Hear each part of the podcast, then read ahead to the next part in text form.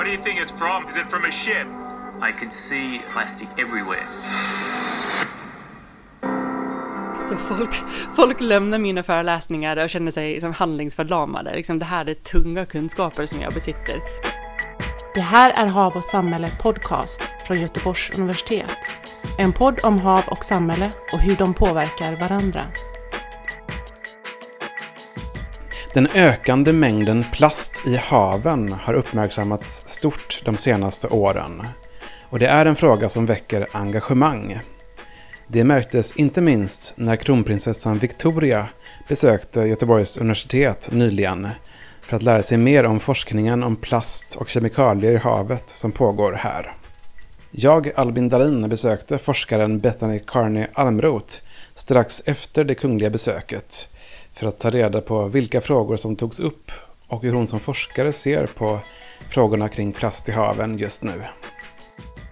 Ja, vi sitter nu här på zoologen, eh, Medicinarberget. Eh, här huserar institutionen för biologi och miljövetenskap bland annat. Och också Bethany Carney Almroth. Hej! Hej! Ja, du har haft en intressant eh, vecka här. Du har haft besök av kronprinsessan Victoria för att prata om forskningen här om plast i haven och hur det påverkar bland annat fiskar. Hur var det här den här dagen? Det var jättefin. Det var en jättefin dag det var mycket jobb som ledde fram till just den här dagen, men det, det gick väldigt bra. Vi fick till en bra diskussion. Hur kommer det sig att eh, kronprinsessan kom hit? För att hon ville komma hit för att just ta del av det du forskar om. Ja, precis. Och det, det tror jag ligger i att plast är så omdiskuterad och har uppmärksammats som ett stort miljöproblem. Men för några år sedan, ett och ett halvt år sedan ungefär, så var Sverige värd för en, ett FN-möte i New York som handlade om haven, världshaven, The Ocean Conference. Och då var hon där, Victoria, kronprinsessa Victoria, och jag var där ihop med en kollega, professor Lena Gippert, som jobbar på Hav och samhälle.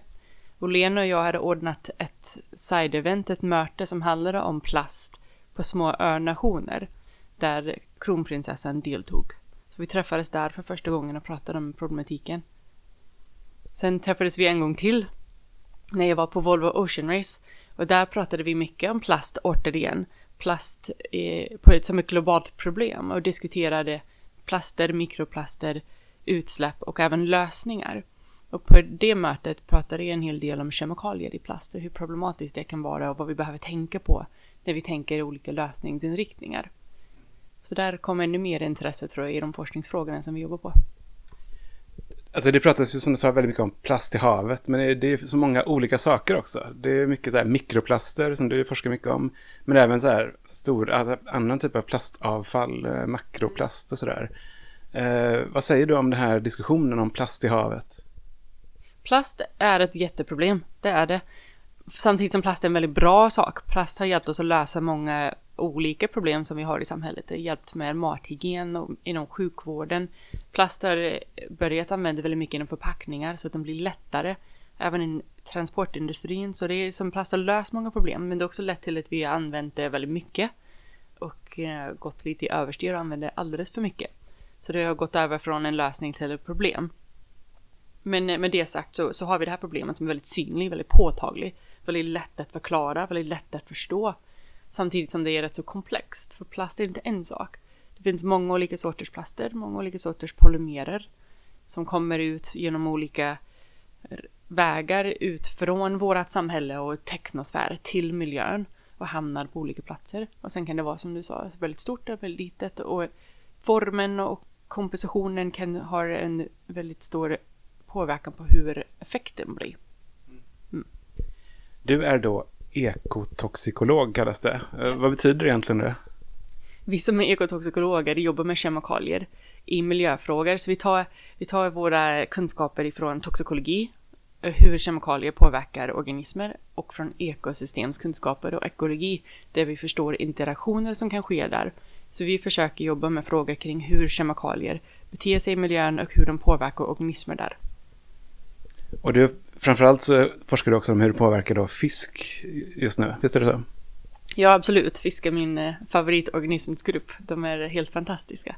Så vi tittar på fiskar som också är rätt, rätt nära släkt med människor. Det är kanske svårt att tro, men de är 70% lika oss ungefär. Så de kan vara bra modeller för frågor kring mänsklig hälsa också. Men vi jobbar med dem mest från ett miljöperspektiv. Och det var detta som du pratade mycket om med eh, Victoria när hon var här nu då. Och du visade upp eh, lite olika saker. Eh, jag ska bara höra lite hur det lät, ett ljudklipp. Så det här är ett problem som har faktiskt blivit bättre. Men eh, det här plockades på en strand utanför en plastproducent för de var lite slarviga med hantering. Och sen spilldes det här vid transport.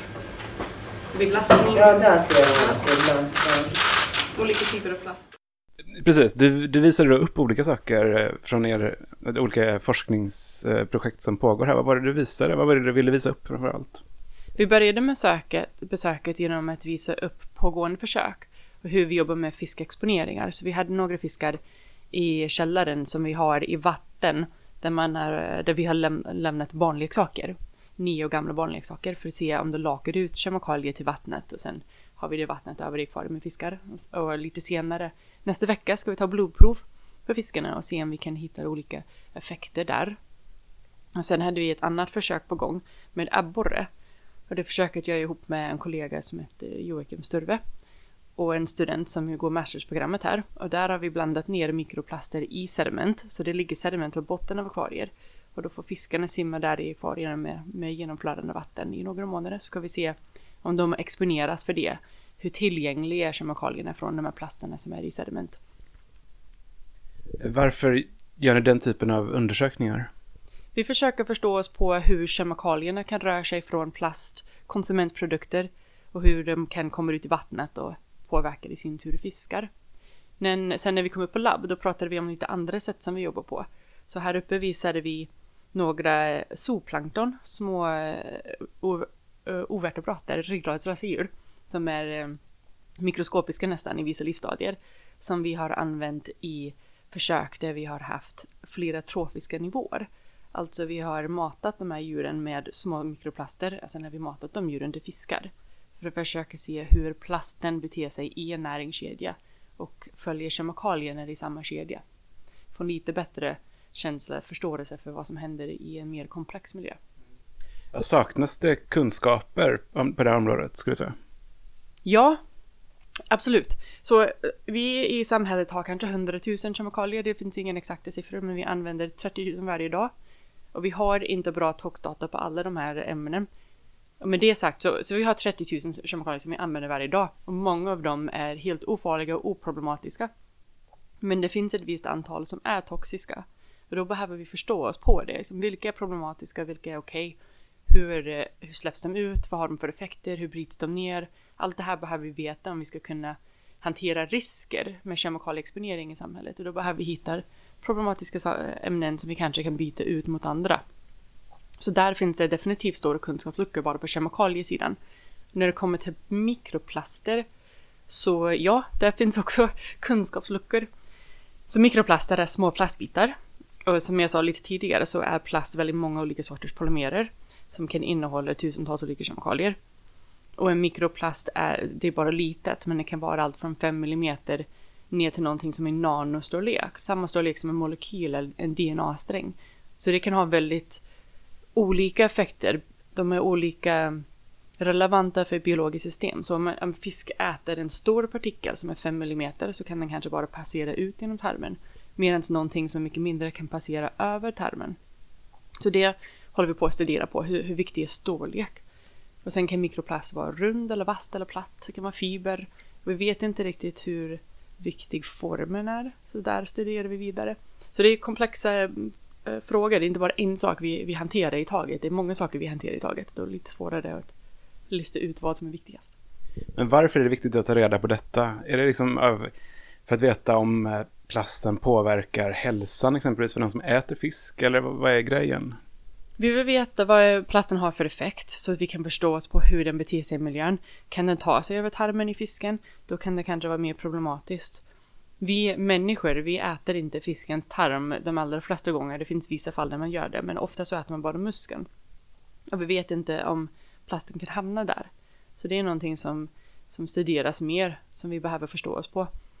Vi vet inte heller hur viktig plast är som vektor. Hur viktig är plast i, i Eh, kemikaliens bete, beteende i miljön? Kan plasten bära med sig kemikalier in i djuren och leda till en högre exponering eller tvärtom kanske. Så där har vi också lite obesvarade frågor. Så vi behöver, vi behöver kunskaper för att kunna förstå risker. Och när man går fram i ett samhälle med beslut, lagstiftning och förändringar, då får man veta att de besluten som man tar är bra beslut. Så vi behöver förstå oss på vad som är bäst. Det har ju, just det här med mikroplaster har blivit väldigt stort och ganska många har blivit oroade också. För att eh, är det farligt att äta fisk och skaldjur och sådär? Eh, vad säger du om de rädslorna? Jag tycker inte man behöver vara rädd för mikroplaster för den sakens skull. Vi har plast i hela våra miljöer. Så vi exponeras hela tiden till många, många olika saker i samhället. Och vi har, inte, vi har inget bevis på att mikroplaster är skadliga för mänsklig hälsa just nu. Det är också väldigt lite studerat i och för sig, men vi har inget bevis för att det är problematiskt. Och när vi äter en fisk så äter vi inte det som finns i tarmen. En blåmussla, ja. Men vi får i oss mikroplaster genom att dricka vatten, genom att andas luft. Så det är inte så att det är den exponeringen som är det största problemet. Det behöver vi se över är hur vi använder material och kemikalier i hela vårt samhälle. Så alla exponeringsvägar. Och det, man kan inte angripa alla samtidigt. Men det är bra att ha ett sätt att relatera exponeringar mot andra. Och sen se på helhetsbilden. Liksom, vad är de största problemen? Eh, du och en annan forskare vid Göteborgs universitet, Therese Karlsson, gick ut med just en sån här undersökning som visar varifrån mikroplasterna kommer. Och eh, ni gjorde bland annat ett försök med ett glas dricksvatten som ni ställde på ett bord under en viss tid, eller hur? Ja, det gjorde vi. Och vi kunde se att ett glaset som stod på bordet hade mer plaster i sig än ett eh, vårt rent vatten som hade filtrerats. Så bara genom att stå på bordet i rummet så kom det fiber ramla ner i vattnet. Och det vet vi sedan tidigare att mycket av våran inomhusdamm kan innehålla textil, textilier och fiber. Så det är, det är någonting som, bara för att kunna sätta allting i ett perspektiv. Ja visst, det finns lite fiber i blåmusslan, men det finns överallt. Vi behöver inte vara rädd för allting bara för att det finns. Vi behöver förstå effekten. Okej, okay, så det, det, är det som är, liksom, det var det som var budskapet där, liksom, att det är så, det verkar ju väldigt, väldigt komplext på något sätt ändå. Ja, vi ville ge siffrorna ett sammanhang. När man pratar om hur många eh, fibrer man äter i en blåmussla så vill vi också relatera till någonting annat som man inte är rädd för, för vi har inte visat att det är farligt. Vi vet bara att det sker. Så det finns andra eh, problem. Och vi, vill titta på helheten, hur vi använder material och, och att vi kommer att exponeras eftersom vi är helt eh, omringade av alla plaster vi har i hela samhället. Det finns många andra källor då, till den här plastföroreningar. Något som du tror jag visar upp för kronprinsessan också var det här med eh, bildäck och eh, av, av sånt som kommer från bildäck. Visst var det så? Ja, bildäck diskuteras väldigt mycket också i sammanhanget och bildäck är inte plast i sig, det är ett gummimaterial som kan vara naturligt eller syntetiskt. Så man brukar samla ihop det med plast i ett ord som mikroskräp eller microlitter som man säger på engelska. Men med det sagt så, så finns det tecken på att det är en väldigt stor utsläppskälla till partiklar i miljön. Och då kan vi titta på problem och, och var det tar vägen. Men om man ska diskutera lösningar, så, så jag tog fram bildäcken för att prata lite grann om lösningar, för jag tog också fram samtidigt mikroplaster som, hade, som jag hade renat fram från ansiktstvätt som numera är förbjuden på den svenska marknaden och kommer förmodligen att bli i Europa, hela Europa också, det diskuteras. Så det är med ansiktstvättet så kunde jag fram, ta fram partiklar och säga de här partiklarna var i en produkt som var onödig. Det var väldigt lätt att ta bort. Så vi kunde få till en lagstiftning och förbjuda den här produkten. Det finns ersättningsprodukter, det är någonting som vi lätt kan leva utan. Så det är en lätt lösning. Men när man har bildäcken så har man den här partikelutsläpp från slitage och från dagvatten som kommer ut i miljön. Men vi kommer inte förbjuda bildäck. Så där behöver vi titta på andra sorters lösningar. Hur ska vi kunna hindra att det här blir problem och blir skadligt i miljön? Då behöver vi som ett samhälle titta på andra saker. Samtidigt som vi forskare, naturvetare, behöver veta vad tar de här partiklarna vägen? Hur sprider de sig? Vad hamnar de? Så att vi kan förstå hur de beter sig i miljön. Och sen var, vilka effekter har de i sedimentlevande organismer eller i fiskar? Så vi måste få till liksom, kunskapsbitar på, på, på olika nivåer. Eh, du är ju naturvetare som du sa, men du pratar ju väldigt mycket just om lösningar och vad som behöver göras i samhället på något sätt, vilka beslut som behöver fattas eh, för att förändra. Varför är det så viktigt för dig? Jag tror att det här har jag fått berättat för mig när jag går ut och föreläser att jag är deprimerande. Så folk, folk lämnar mina föreläsningar och känner sig liksom handlingsförlamade. Liksom det här är tunga kunskaper som jag besitter, problemen och, och skador som kan uppstå. Och det är lite, det är viktigt att veta det och att förstå det. Men det kan vara lite betungande. Även för mig själv ibland i vissa stunder. Så jag har insett hur viktigt det är att kunna titta på lösningar och, och framtiden och sökt mig till forskningssamarbeten där vi jobbar interdisciplinärt och eh, transdisciplinärt med samhällsvetare, med eh, folk som jobbar med juridik, med ekonomi, där vi kan ta alla våra kunskaper inom ett och samma projekt och försöka hitta lösningar. Vad funkar? Vilka är problemen? och Vilka är lösningarna? Och, och blir de bättre? Blir det, funkar det? Så, eh, så det tycker jag är spännande och också viktig att förmedla. Att vi har den här kunskapen, vi, vi börjar förstå problemen, vi beskriver dem och sen försöker vi hitta vägar fram. Vi får göra det bättre, vi får lösa problemen. Vilka är de eh, viktigaste vägarna för att lösa de här problemen skulle du säga? Jag tror plastproblemen kan lösas med många, många olika sorters insatser. Så man kan titta på hela varukedjan. Om man tittar på producenterna av råplasten så, så finns det enkla sätt att förhindra att det läcks ut och, och genom kanske slarvigt beteende att man får ut de här små nyproducerade plastpellets. Så det, och det finns lagstiftningar som kan jobba mot att skydda miljön i de områdena och, och hindra utsläpp. Och sen kan man titta på ett, ett annat sätt, vilka kemikalier har vi i våra plaster? Vilka tillåter vi? Hur mycket transparens har vi där? Det är väldigt viktigt att ha koll på kemikalier i plasten om vi ska jobba med återvinning, så vi har bra material som kan återvinnas och vara hälsosamma i nästa livsstadiet. Sen kan vi titta på förbud mot, förbud mot vissa typer av produkter. Nu är det saker igång med förbud mot vissa engångsartiklar som är onödiga som vi har andra ersättningsprodukter för.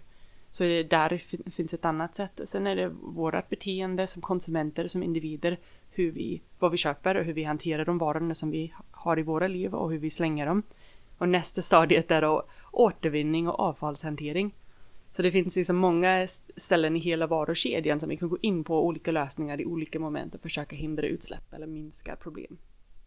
Ja, det är en hel del olika liksom, aspekter att väga in här då, med andra ord. Ja, precis.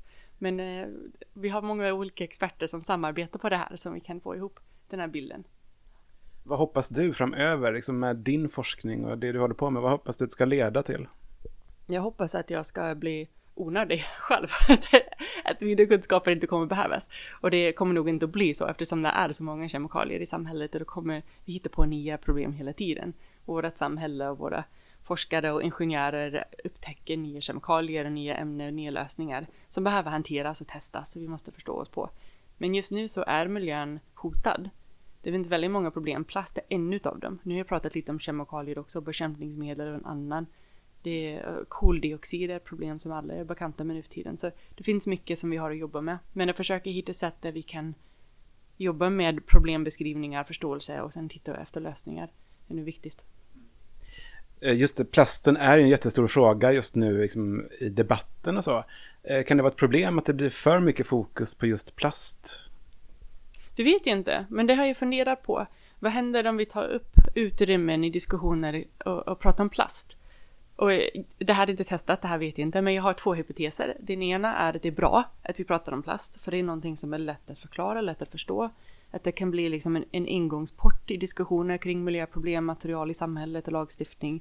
Att vi kan få till en diskussion som kan leda vidare till andra problem.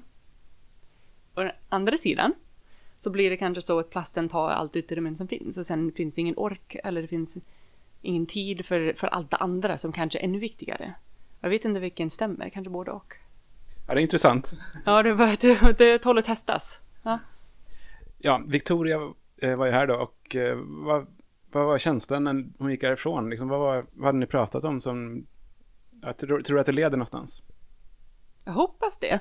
Jag tror, det var en väldigt trevlig dag. Hon är en väldigt trevlig person med genuint intresse för miljöfrågor och ville verkligen veta mer om plast, problemet med plast och lösningar. Så vi hade en, en väldigt fin diskussion. Och sen just att hon har den här skönglansen som hon har så fick vi en chans att lyfta våra forskningsfrågor till, till allmänheten genom media och outreach. Så det var väldigt bra. Jag hoppas att det leder till någonting mer, till mer kunskap, mer awareness, kanske mer forskning framöver. Perfekt. Eh, Stort tack för att du tog dig tid att vara med här i vår podcast, Bethany Connery Armbrot. Ja, tack själv. Eh, Jag heter Albin Dahlin och lyssna gärna på oss eh, nästa gång vi släpper en ny, ett nytt avsnitt här i Hav och samhälle podcast. Hej hej! Du har lyssnat på Hav och samhälle podcast från Göteborgs universitet. Podden finns på iTunes, Soundcloud och vår hemsida havochsamhälle.ju.se.